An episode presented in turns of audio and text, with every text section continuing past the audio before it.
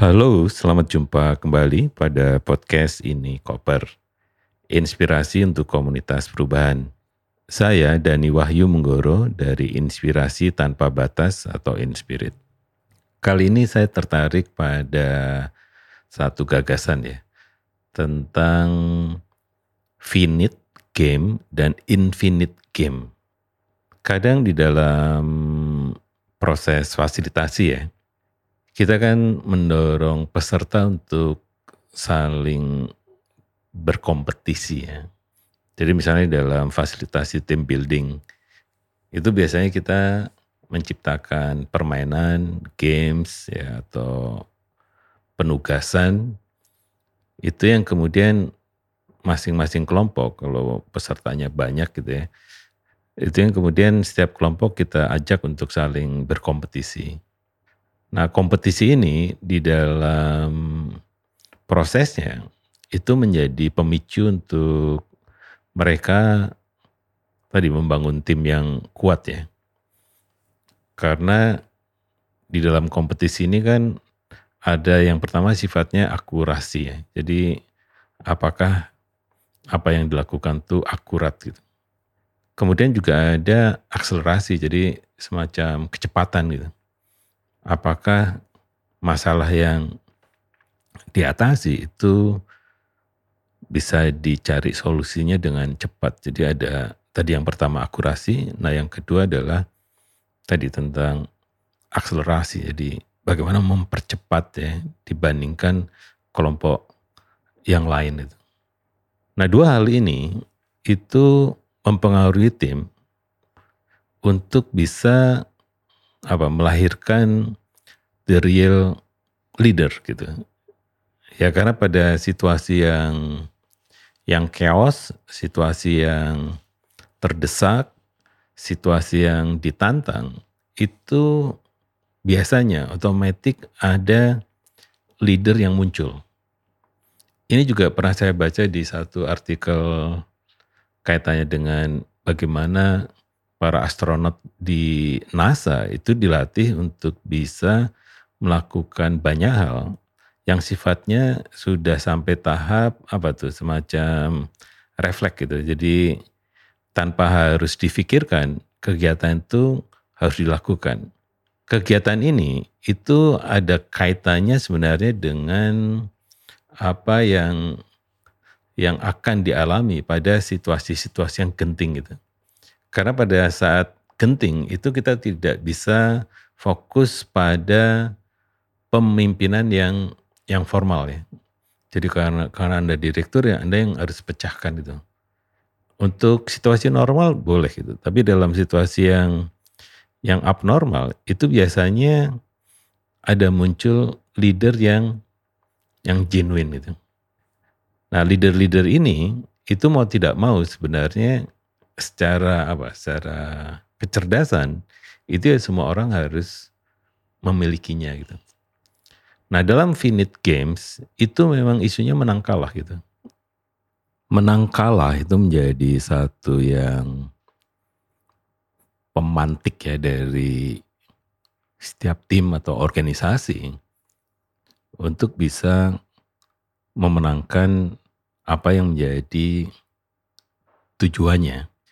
Hanya saja sebenarnya di dalam yang disebut dengan finite game semacam ini, mau tidak mau sebenarnya adalah seluruh sumber daya, strategi dan juga inovasi yang kita lakukan itu untuk ya memenangkan memenangkan apa pertempuran atau perang gitu ya untuk bisa menjadi nomor satu gitu isunya adalah kalau kita di di Indonesia misalnya ya, itu sebenarnya banyak organisasi kalau dalam konteks bisnis bisa jadi memang ada selalu apa ya menang kalah ya. Jadi kita bisa lihat beberapa organisasi bisnis itu bangkrut dan ada yang juga tumbuh baru Nah yang menjadi menarik perhatian saya sebenarnya dalam minggu-minggu ini itu justru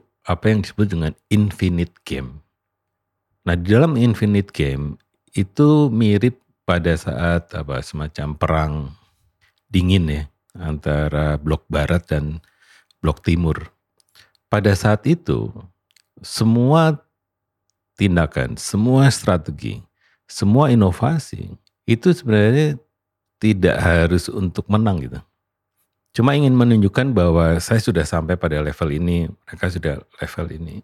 Jadi kompetisinya agak beda ya, bukan untuk memenangkan, tetapi untuk untuk menjaga supaya pertempuran tuh selalu ada. Ya sambil mungkin dia kenapa disebut dingin ya. Sebenarnya tidak dalam konteks pertempuran habis-habisan di medan perang ya. Tapi pertempurannya sebenarnya adalah di taktik, pikiran, strategi, dan mungkin juga di meta warnya. Ya. Jadi perangnya itu perang di kepala gitu. Nah di finite game semacam ini menjadi menarik sebenarnya kalau dalam konteks kita sebagai fasilitator. Ya kadang saya merancang sebuah proses membangun tim. Itu memang pertama ada tahapan yang sifatnya finite game mereka harus memenangkan itu. Karena pada finite game sebenarnya seluruh hal terbaik yang kita miliki, mulai dari sumber daya, mulai dari apa pun ya, keterampilan, dari kapasitas dan sebagainya, kita mobilisasi untuk bisa memenangkan semua itu. Gitu. Jadi di sini yang penting sebenarnya adalah intensinya. Jadi bagaimana kita full eh, berpikir untuk memenangkan sesuatu itu. Tetapi kalau di dalam infinite game itu tidak cukup dengan intensi gitu. Ya kalau Simon Sinek tuh memberikan contoh, kalau kita ke gym ya, ke gimnastik gitu untuk olahraga gitu. Itu kalau kita melakukan apa semacam exercise selama tiga jam, ya sebenarnya nggak ada bedanya dengan waktu sebelumnya nggak ada akan nggak akan ada otot yang terbentuk gitu dalam waktu tiga jam semacam itu. Gitu. Nah di situ yang kita sebut dengan finite game. Ya bagaimana caranya tiga jam jadi berotot gitu? Ya nggak mungkin kata kata Simon Sinek. Simon Sinek bilangnya dalam konteks infinite games itu yang paling penting adalah tentang konsistensi gitu. Lebih bagus exercise 30 menit tiap hari cuma konsisten tiap hari, itu pasti akan ada hasilnya dibandingkan tadi sengaja tiga jam, sengaja enam jam supaya pengen muncul otot itu nggak akan pernah terjadi. Gitu. Tetapi upaya itu pada saat kita mengorbankan waktu 3-6 jam gitu untuk punya otot, itu kan menarik juga ya semangat dan juga determinasinya gitu. Tapi kata Simon Sinek dalam konteks tadi bagaimana organisasi, pemimpin itu bisa mengelola perubahan, itu tidak cukup. Jadi keunggulan dari Infinite Game, kita terpaksa harus konsisten melakukan sesuatu hari demi hari untuk bisa memenangkan sesuatu. Ini yang kemudian saya latih sebenarnya di dalam konteks virtual kelas ya. Pada saat saya mempromosikan supaya kita bukan sekedar membangun kelas online tapi juga kelas virtual. Dalam pengertian bahwa virtual sebagai sesuatu yang hampir nyata. Salah satu yang saya latih adalah konsistensi. Jadi virtual tuh meskipun pandemi sudah selesai, saya tetap fokus pada bagaimana berlatih secara virtual gitu. Yaitu dengan memproduksi podcast. Baik itu audio maupun video. Itu hampir seminggu pasti akan ada ada produk ya bisa tiga, lima dan seterusnya bagian dari tadi konsistensi kan kalau saya.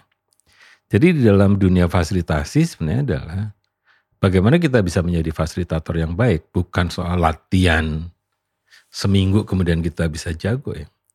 Tapi kita konsisten berlatih untuk menjadi fasilitator yang yang baik gitu. Mulai questioning skill, mulai dari design skill, mulai dari storytelling skill itu bagian yang memang harus dilatih, tidak bisa hanya sesekali gitu.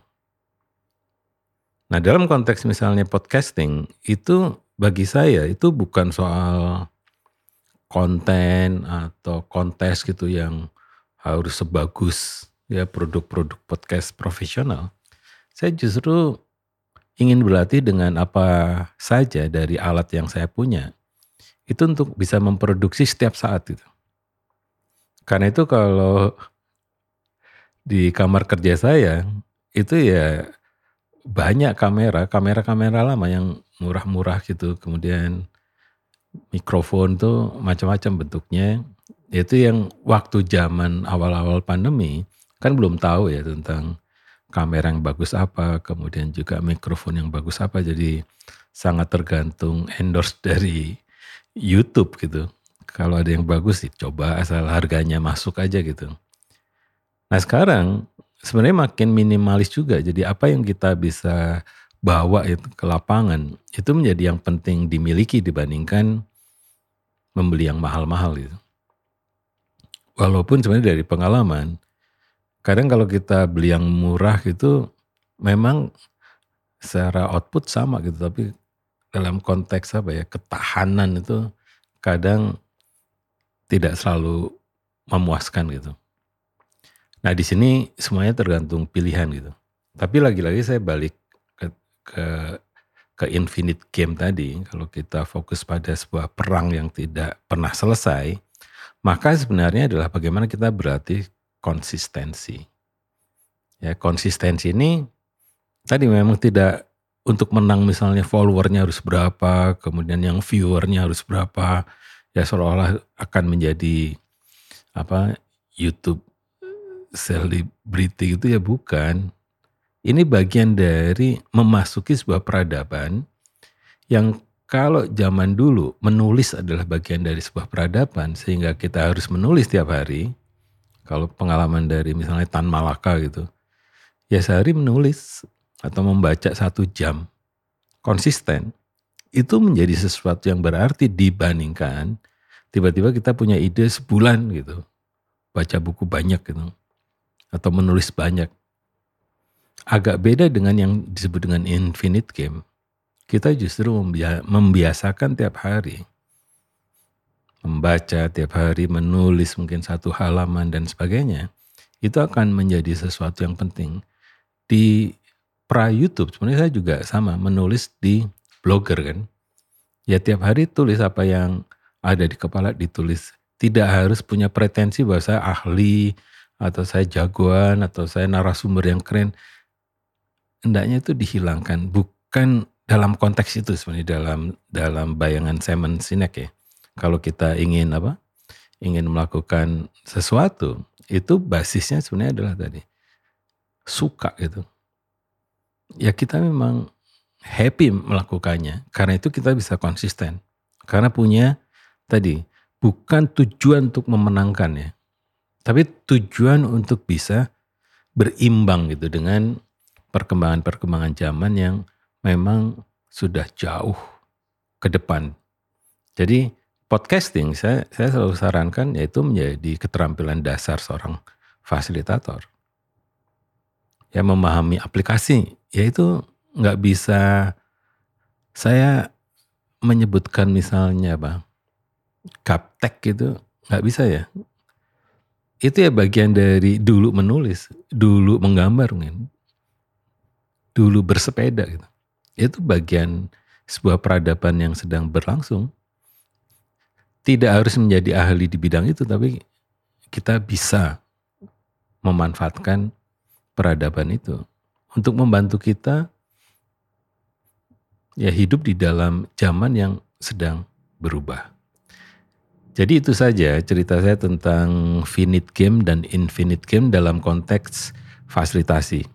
Harapan saya kawan-kawan di di komunitas perubahan itu bisa mulai konsisten untuk melakukan apa pun sesuai dengan minat dan tujuan perubahan yang ingin diwujudkan. Itu saja, sampai jumpa pada edisi berikutnya.